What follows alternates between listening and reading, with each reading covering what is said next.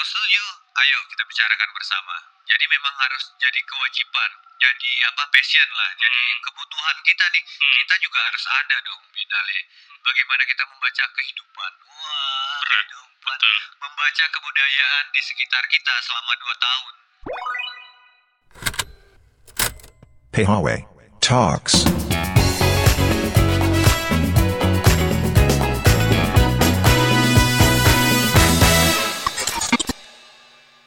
Eh, Assalamualaikum warahmatullahi wabarakatuh. Eh, selamat sore dari Rumah Kampung Mandar. Perkenalkan saya Bayam Dewi Nata. Eh, hari ini kita eh, PHW Talks. Sore ini bersama Waade Anti Render, salah seorang penggiat seni dan menyeni yang ada di Kota Pekanbaru. Selamat sore, Wak. Selamat petang. Oke, eh, bisa diperkenalkan dulu. Nama saya Ade, Oke, aka Anti Render. oke.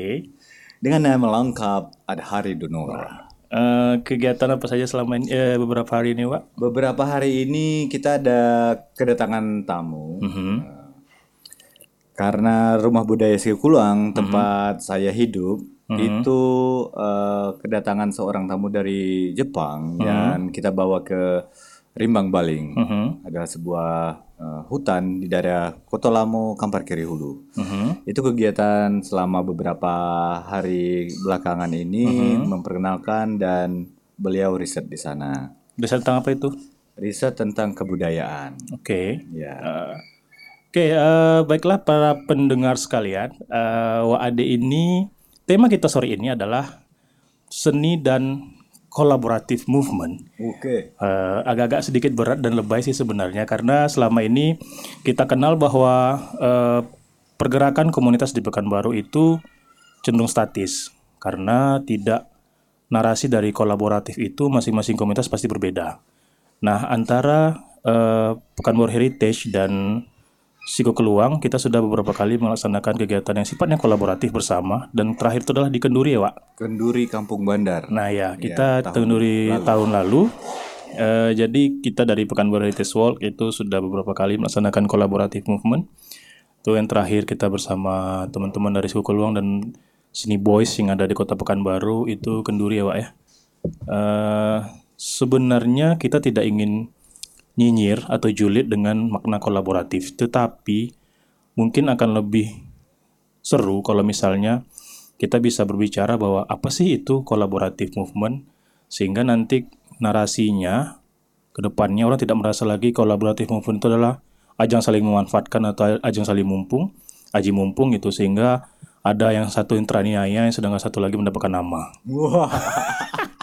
banyak itu, banyak. Nah banyak. itu eh mungkin bisa diceritakan dulu Wak, apa sih itu makna kolaboratif karena melihat dari background WAD yang sudah keliling beberapa tempat di dunia dan berkolaborasi dengan beberapa seni boys yang ada di luar negeri luar negeri seperti dari Kolombia, New York, eh eh, sorry Norwegia yang seperti seperti itu. Yang terakhir Korea, Selatan ya. Korea Selatan. Eh, ya, bisa cerita nggak apa sih menurut pandangan WAD apa itu kolaboratif? Kalau kolaboratif itu serius sekali ya. Enggak, jangan serius ya. sekali, Wak. Aku aja sakit perut nih. iya. Kalau kita lihat dari makna ya, mak- Ah. maksudnya makna dari kata kolaborasi artinya kan kerjasama sebenarnya. Tapi kerjasama tentu saja terbagi seven ya, Iya. bukan bukan hanya kerjasama sama-sama bekerja itu beda. Hmm. Tapi ada yang pemikir berbagi sebetulnya, berbagi. Ada yang eh mencontohkan itu bagi-bagi kerja Hmm. secara bersama-sama atau dengan tujuan yang sama kemudian mendapatkan makna, mendapatkan manfaat yang bersama-sama pula. Oke. Nah, terus praktek-praktek kolaboratif yang dilakukan oleh eh, individu-individu atau kelompok sebenarnya menurut hemat saya, kalau Saya saya, kan nggak emang hemat. berhemat, Hmm. Kalau saya berhemat, Sama, Ya, karena sobat miskin Asia, bukan berarti gitu ya. Ya jadi eh, praktek yang dilakukan teman-teman dalam berkolaborasi mungkin bisa saya eh, saya kok ter- terlalu ini ya, Iya. aku ya. Aku- pengakuannya terlalu tinggi jadi Oh kalau iya, saya. aku. eh. Ambo, Kalau, aku pikir, ambo aja gimana ambo? kalau aku pikir si kolaboratif ini bagaimana kita melihat eh,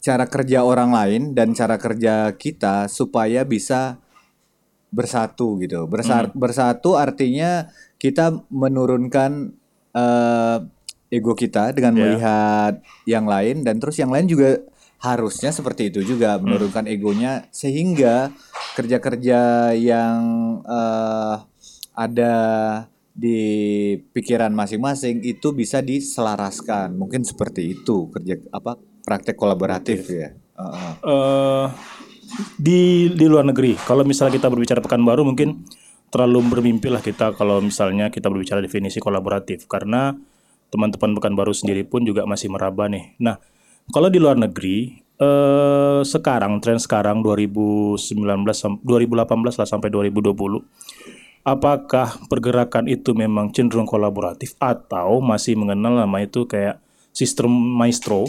Maestro di mana ada seorang pakar yang dia akan men- menjadi eh, sumber dari segalanya ataukah seperti sistem kolaboratif? Hmm. itu bagaimana? Jadi mungkin kalau aku nggak mikir secara generalistik, maksudnya seperti itu ada, Hmm. masih ada ditemukan. Eh, caranya beda-beda, maksudnya eh, hasilnya beda-beda. Misalnya eh, ada suatu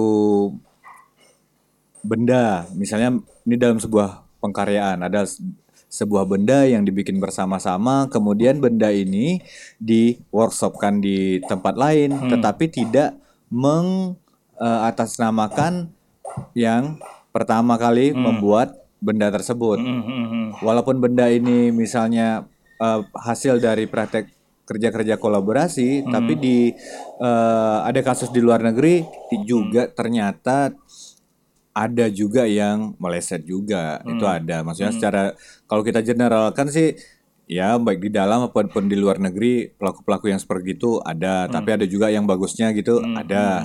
Nah, mungkin kalau kita kecilkan, kita kerucutkan di Pekanbaru memang praktek kolaborasi eh di sini beberapa mungkin agak salah kaprah. Misalnya eh, seperti ini. Dalam pembuatan eh apa? karya gitu ya. Dan pembuatan karya misalnya ya udah aku ada ide seperti ini. Ah, oh nanti ada yang main gitar. Yang main gitar nanti masuk ya di sini kita kolaborasi. Nah, hanya sesimpel itu memasukkan sesuatu tanpa apa namanya? tanpa ada ya pembicaraan atau konsep-konsep kerja yang apa ya? yang eh, matang lah. Itu contoh kecilnya aja. Nah, praktek kolaborasi sebetulnya di di kebudayaan kita itu udah banyak seperti gotong royong, terus ada pembuatan ya apa namanya eh, jalan ya gotong royong juga iya, ada ya. royong, betul. Terus ada ronda misalnya Iya, kan kolaborasi bagus. antara ini ya antara masyarakat. Sebetulnya semangat-semangat seperti itu yang sekarang sudah hilang Hmm. karena mungkin sekarang zamannya apa ya modern orang-orang terlalu uh, sibuk dengan kepentingannya sendiri tanpa melihat bahwa orang lain itu juga punya sesuatu yang apabila kita bisa selaraskan dengan kerja-kerja kita mungkin bisa membuat suatu inovasi nantinya. Nah, Ya. berpikirnya kan seperti itu sebetulnya ada kolaborasi terus ada inovasi-inovasi apa untuk kehidupan manusia. Hmm. Sebetulnya itu itu yang yang lebih penting kan Hmm. dari praktek kolaborasi.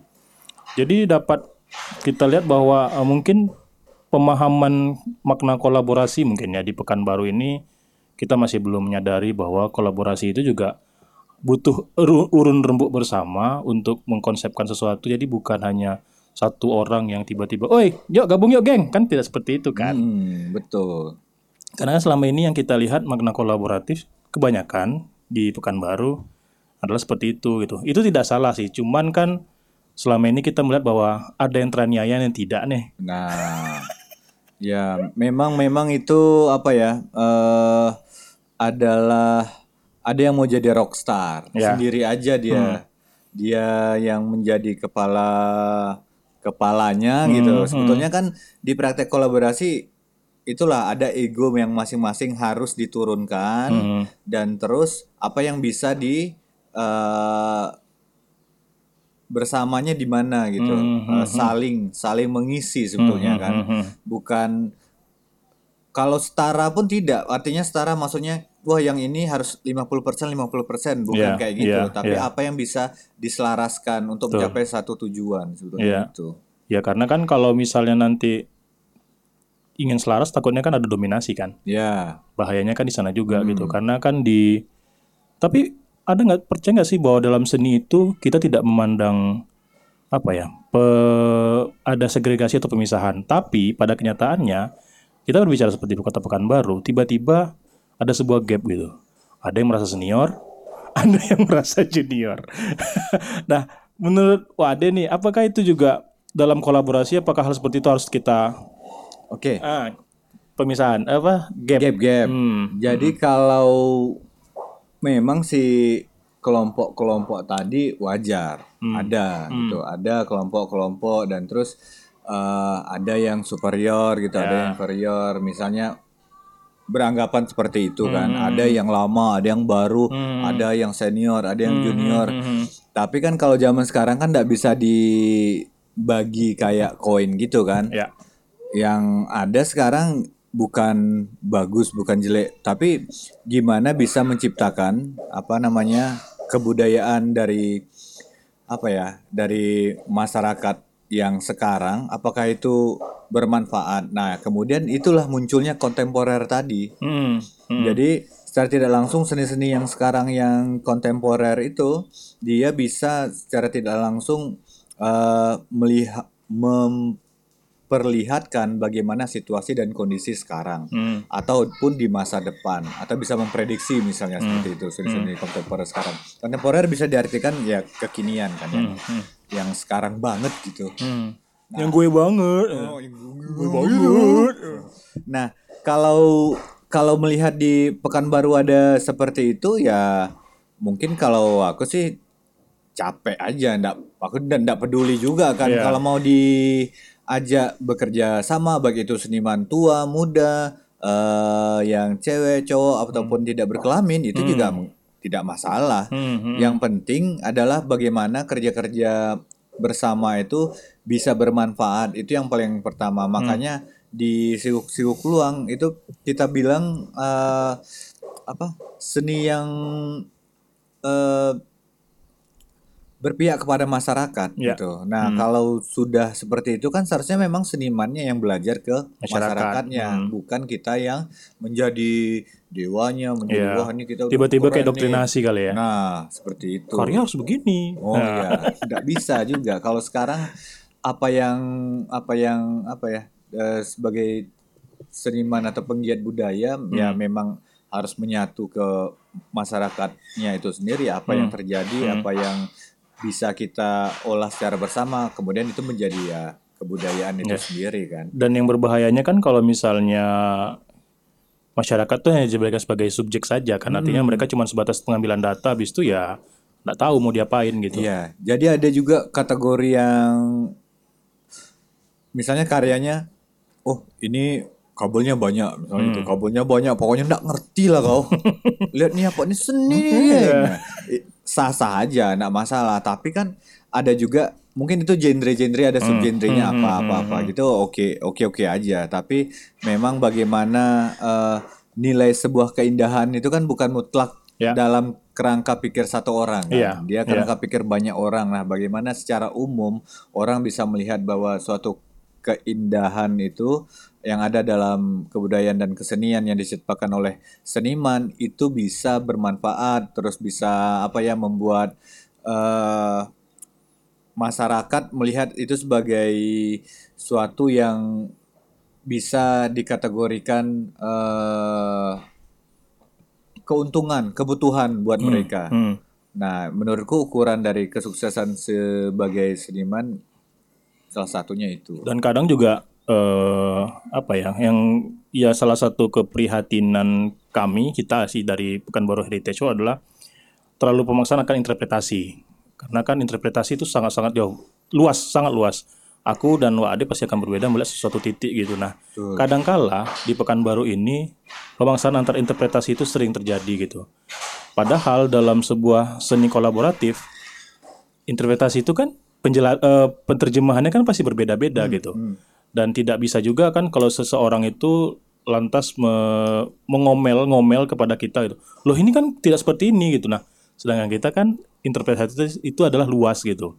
Nah, fenomena-fenomena seperti ini menurut Wade apakah ke depannya eh, dapatkah kota Pekanbaru ini menghasilkan seniman-seniman baru yang dengan gaya-gaya baru dengan gaya-gaya berbeda karena selama ini kita lihat poros seni Indonesia itu adalah Jakarta, Bandung, Yogyakarta, Solo, Surabaya, Bali. Setelah setelah itu selesai gitu.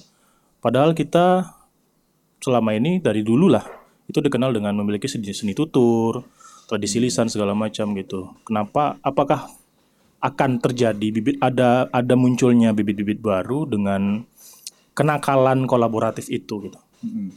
Nah, kalau menurutku memang eh, sebagai penunjang itu kota-kota yang tadi disebutkan itu memang sudah tercipta eh, penunjangnya masing-masing.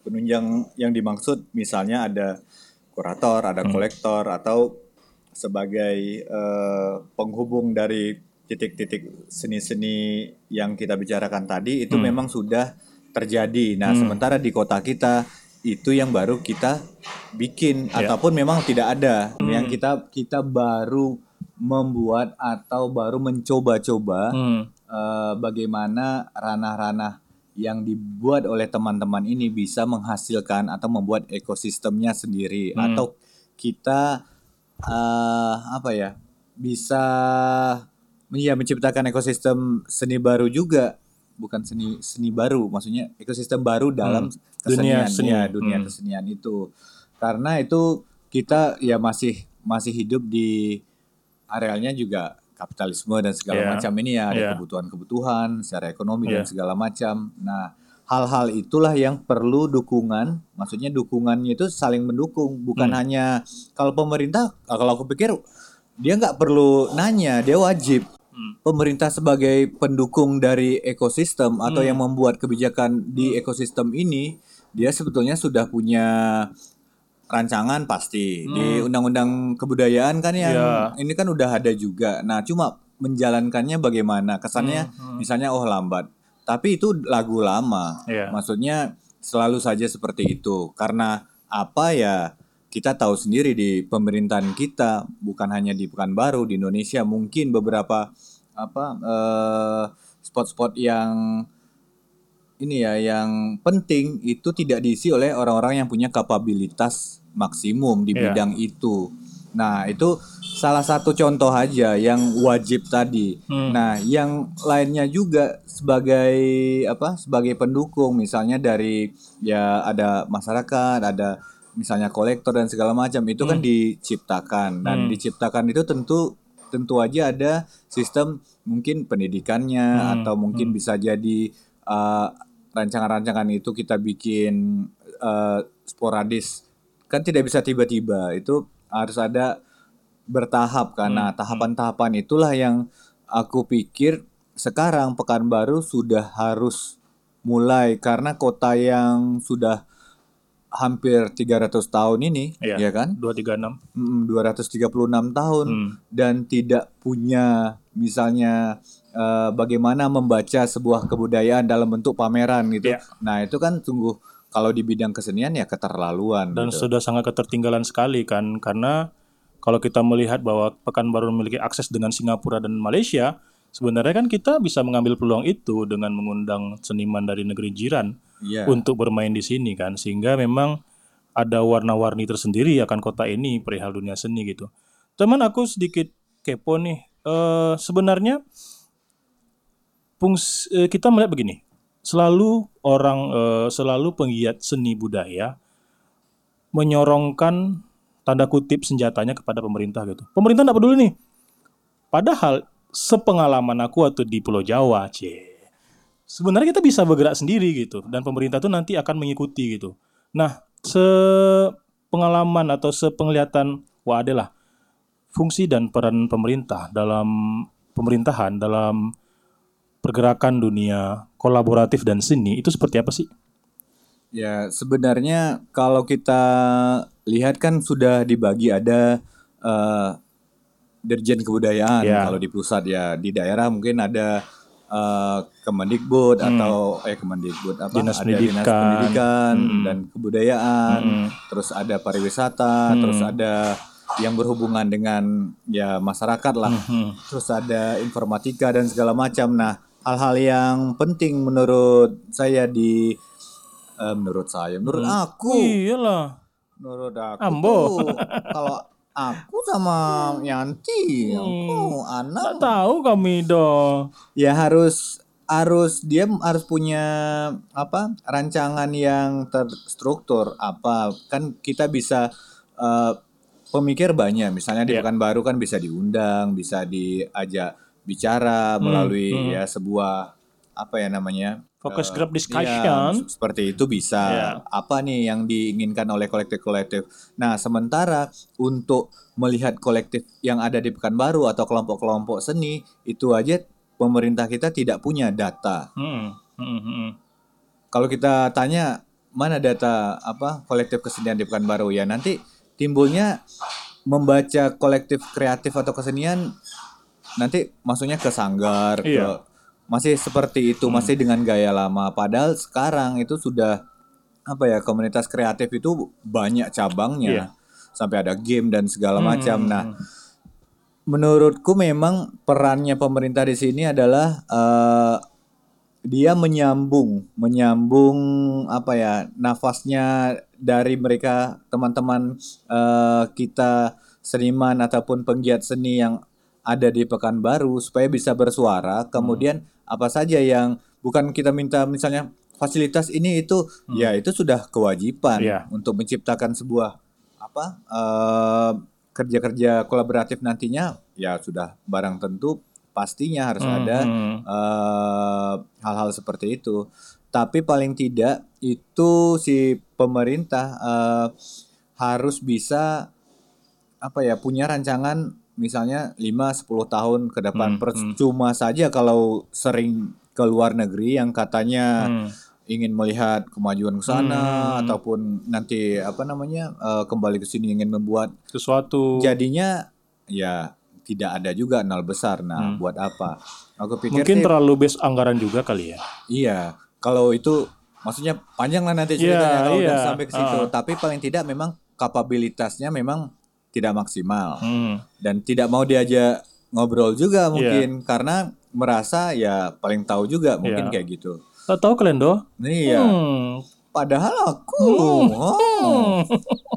Cuman kadang itu juga sih yang menjadi menjadi sebuah tanda tanya besar di kepalaku, apalagi setelah kita berkolaborasi bersama dengan antara Yayasan Siku Keluang dan PHW, itu kita bikin kenduri bersama Seni Boys yang ada di Kota Pekanbaru. Eh, aku aku melihat bahwa kayak di Jawa itu hal-hal yang kita lakukan ini sudah jauh.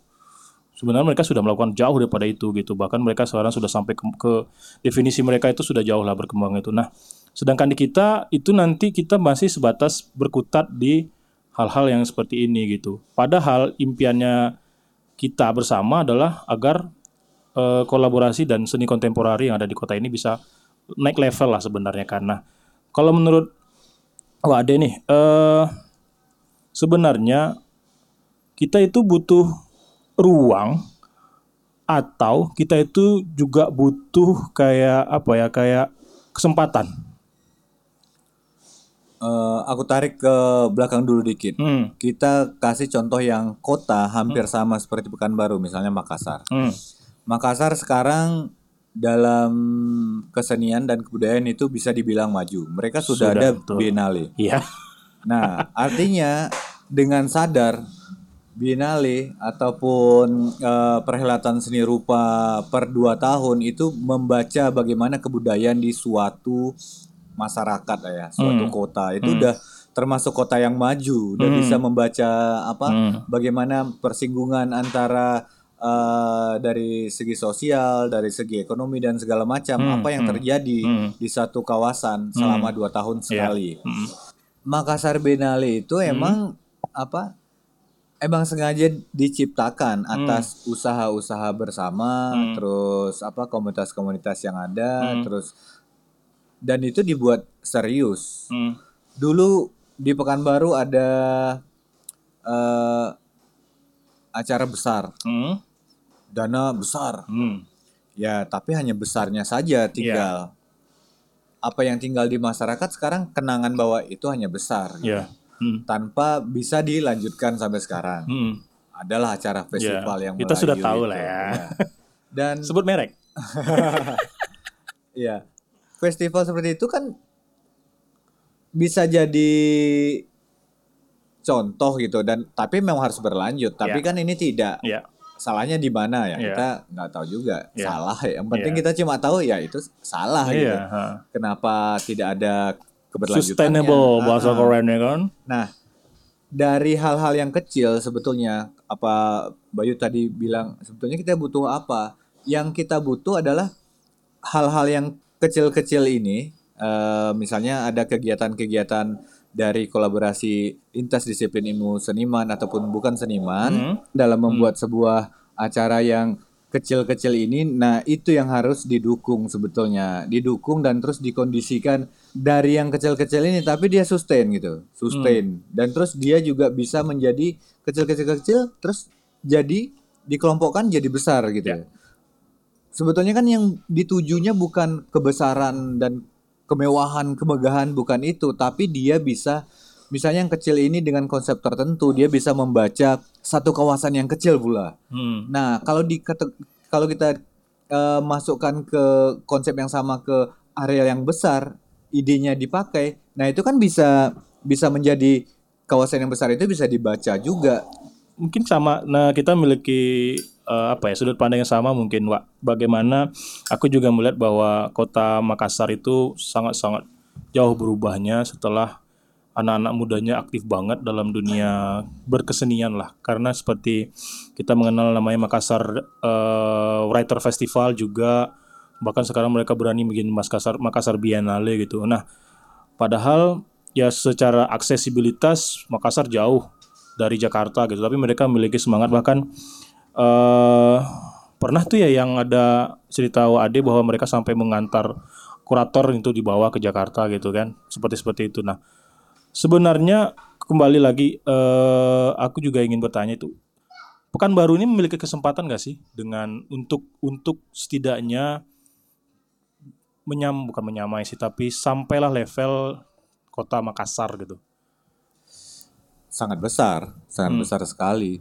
Kita sumber daya manusia, Hmm. kalau kita bilang kalimat kolonial ini Iya. sumber daya. SDM itu ada semua akademisi yang kuliah mau di luar mau di apa jagat raya itu ada semua udah Intergalaksi. canggih lah Hmm. canggih dengan gelarnya yang aja PhD Hmm, segala macam ya. banyak kan yang udah mereka mau pulang gitu enggak misalnya kan atau ada yang mau pulang terus Hmm. Bingung. bisa berbuat apa-apa bingung mau Nah, ngapain sebetulnya orang-orang yang ada sekarang itu di Pekanbaru eh, tidak bisa bergeraknya mungkin memang ada sekat yang sekarang belum tembus gitu. Hmm, hmm. Nah, kita kan berusaha buat menembus sekat ini. Ya. Gimana caranya?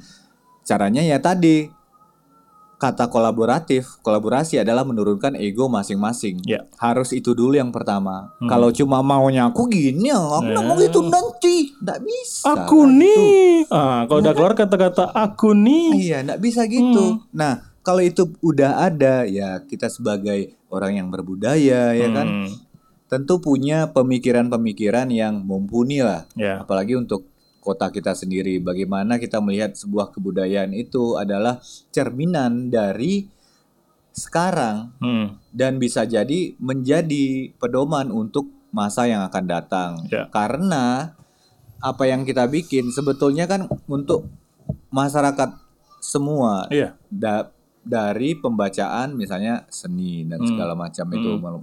dari karya-karya. Bukan bukan hanya untuk membuat sebuah kalau saya ketakutannya karena mungkin tidak ada sekolah seni yang mumpuni juga mungkin ya Iya, di Pekanbaru. iya, iya. Padahal ya dosen-dosen ada, orang-orang yang berpendidikan ada, tapi sekolah seninya tidak ada. Itu juga bisa mempengaruhi orang-orang melihat kesenian itu hanya sebagai oh suka gambar ya, oh, udah seni. Oh, ini yang oh tari ya bisa nari, itu seni ya. Itu tetap seni, tapi kesenian sekarang justru lebih banyak macamnya Iya. Dan Iya. dan kontemporer sekarang di dunia seni kontemporer itulah yang apa yang eh, kita maknai maksudnya bagaimana perbedaan-perbedaan dari kultur bahasa dari cara pandang dan terus untuk membuat sebuah apa namanya karya dan acara segala macam itu yang yang eh, penghargaan di situ yang eh, harus kita ciptakan sendiri dengan tentunya kewajiban pemerintah adalah melihat ini sebagai suatu kebutuhan Hmm. bukan sebuah perintah karena yang butuh itu adalah masyarakatnya di mana kita menggaji mereka untuk bekerja apa eh, sesuai dengan yang kita harapkan Ya, gitu. karena kan kalau kita berbicara juga kayak di di di mana ya di Jawa sendiri pun ini lumrah gitu. Bagaimana pemerintah tuh hanya sebatas fasilitator ataupun melihat saja gitu. Apa yang bisa kami bantu gitu. Sedang, nah, sayangnya juga memang kembali lagi ke pembicaraan kita awal bahwa ekosistem pun di sini belum siap untuk hal-hal yang namanya kolaboratif gitu. Karena ujung-ujungnya adalah kan aku nih, aku nih ha. Nah, kalau udah aku nih ha tuh mau sampai kapan gitu. Eh sebenarnya yang yang yang menjadi concern kami juga kita lah kita dari dari anak-anak muda di dua komunitas psikokeluang dan pekanbaru itu adalah bagaimana caranya meruntuhkan sekat-sekat yang itu tadi gitu meruntuhkan bahkan menurunkan ego kita masing-masing sehingga kita bisa eh, menemukan makna dari kolaboratif gitu. Nah, kalau menurut Wade nih, mungkin nggak sih kalau misalnya kita itu bahkan sampai mengundang atau menggandeng kawan-kawan dari negeri seberang gitu untuk berkolaborasi bersama. Dapat eh, tan- eh, kadang gini, kita itu keburu minder. Eh aku nih apalah ha, levelnya nggak ada doh semut beriring ya kayak gitu-gitu. Nah sedangkan yang kita ajak misalnya teman-teman dari anggaplah ya kemarin si Kaya itu dari Jepang yang notabene mereka dia juga dengan latar belakang pendidikan adalah seniman juga gitu. Ada nggak sih chance kesempatan-kesempatan seperti itu untuk kita bergerak? Justru sebenarnya eh kalau kita melihat yang di dalam negeri Indonesia ini, Hmm. Indonesia nih, Indonesia. kita berusaha gitu. Kan kalau di kalangan seniman ini ada juga misalnya level-level kayak gitu. Misalnya wah harus keluar negeri nih biar bisa terpandang. Hmm. Harus apa? Harus eh, residensi nih di luar.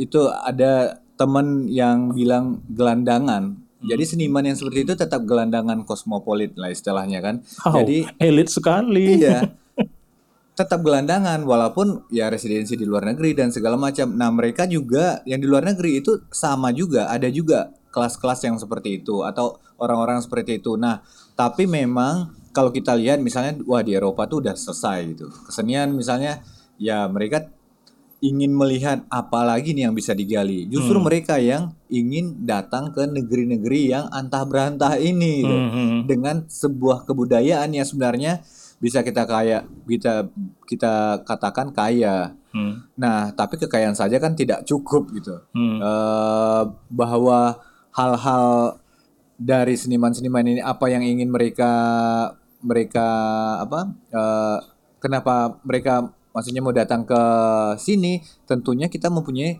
suatu yang menarik. Nah, hal-hal seperti parsi apa partisipatoris ya. gitu, partisipatif dari masyarakat dan eh, itu kan merupakan kebiasaan kita tuh Hmm. dalam kesenian justru itu yang menarik buat mereka bukan hanya gigantik-gigantik sebuah kebudayaan-kebudayaan yang kesenian yang adiluhung Wah, dan segala macam. Wow, Anda orde baru sekali Bapak Adilu. Iya. Soalnya masih banyak yang berpikiran seperti itu kan. Nah, itu yang harus kita apa namanya? kita bongkar kembali bahwa kesenian kita sekarang jangan sampai minder bahwa orang-orang di luar sana atau kita mempunyai kesempatan yang sama. Hanya saja mungkin dari ekonomi misalnya Hmm. kalau di sana ya udah aku aja ke sana duitnya banyak misalnya Iya, kan iya. walaupun mereka juga gelandangan Iya. tapi untuk beli gorengan di sana ya seratus ribu satu kita masih seribu Ya. itu aja kan bedanya Iya, beda mata uang. cuma mereka maksudnya kita eh, kesempatan untuk memperkenalkan ataupun menggali khasanah budaya negeri sendiri kemudian itu bisa em, membuat partisipasi yang lain untuk datang dan mencoba berkolaboratif itu besar sekali apalagi di zaman sekarang ini dengan adanya teknologi internet dan segala macam kita bisa. Bantuan pemerintah? Harus.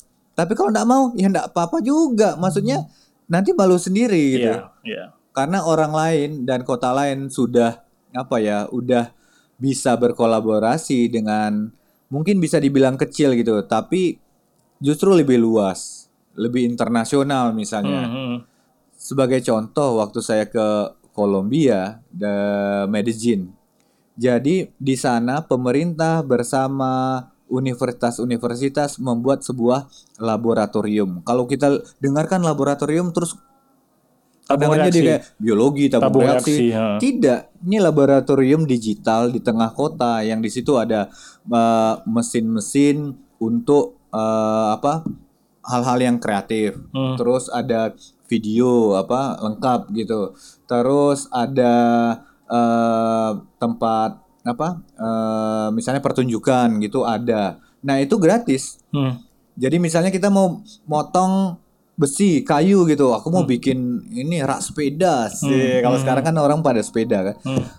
Itu datang ke sana bawa bahan sendiri terus dengan apa jadwal yang sudah ada oh eh, hari ini bisa gratis, hari ini apa bisa bisa gratis, hari ini eh, jadwalnya siapa yang mau ke sana gitu ada. Nah, itu difasilitasi oleh eh, universitas di kota itu kemudian pemerintah juga. Mhm. Nah, artinya itu kan membuat apa ya? Mereka yang di, di sana kalau aku pikir pertama kali, wah Kolombia kayak mungkin sama kayak kita atau di bawah kita. Ternyata dalam segi pemikiran mereka di sana, wah sangat maju sekali dan anak muda di sana justru terbantu dengan itu. Jadi yang diciptakan mereka kan eh, dikasih kailnya aja Iya. bukan kemudian diciptakan sebuah kolam ikan suruh ngail gitu enggak kan kailnya aja yang Hmm. Sehingga dapat dikasih. dikatakan akal di sana terarah. iya Akalnya itu. terarah kan. Hmm. dan proses kol- kolaboratif di sana justru semakin banyak karena mainannya jadi banyak Iya. jadi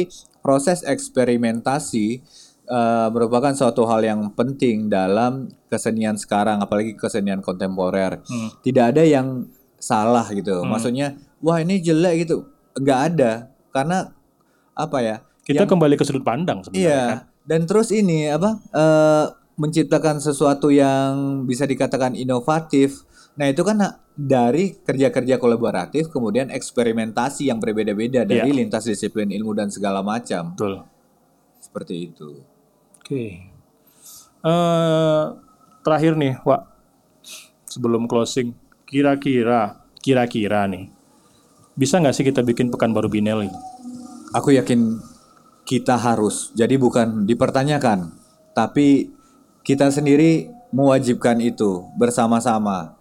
Kita bisa mungkin dua komunitas atau nanti yang mendengar kalau setuju, ayo kita bicarakan bersama. Jadi memang harus jadi kewajiban, jadi apa passion lah, jadi kebutuhan kita nih. Kita juga harus ada dong Binali. Bagaimana kita membaca kehidupan? Wah, Berat, kehidupan betul. membaca kebudayaan di sekitar kita selama dua tahun Hmm. satu kali melalui Biennale misalnya tapi dengan kemauan ya anak-anak muda ini partisipatif dari apa teman-teman yang ada di sini apa saja yang ada di dalam Biennale tentu ya kita sendiri yang Ya. akan menciptakannya dan bagaimana bagaimananya nanti ya harus kita obrolkan secara bersama yang kita butuhkan duduk bersama terus Turunkan kita ego. mendukung Turunkan ego. turunkan ego bukan aku aku ya harus kami harus kita Iya. itu aja Oke, eh seru, seru. Sore ini seru, terutama dengan obrolan bersama Wak Ade. Eh, semoga bisa kita apa ya membuka sudut pandang teman-teman pendengar bahwa ya seni itu tidak indah iya, tapi di situ banyak banyak hal yang bisa kita pelajari bersama, bisa kolaboratif juga, ada ada juga belajar bermasyarakat juga, banyak hal yang bisa kita gali. Dan juga ada mungkin kes- kesepakatan bersama lah, tanda kutip bahwa ada impian bahwa Pekanbaru memiliki sebuah bi- biennale sehingga memang jejak kebudayaan, jejak kota, jejak sejarah, jejak cerita dari kota Pekanbaru ini pun itu bisa kita rekam dan kita sajikan dalam dalam interpretasi yang berbeda pastinya sehingga kota kita juga dapat dikatakan kota yang memiliki apa ya memiliki komunitas dan eh, yang mampu berbicara di level nasional bahkan internasional. Oke, terima kasih para pendengar eh, podcast podcast hari ini. Eh, Assalamualaikum warahmatullahi wabarakatuh. Waalaikumsalam. Terima kasih. Azan azan we we. Salat salat.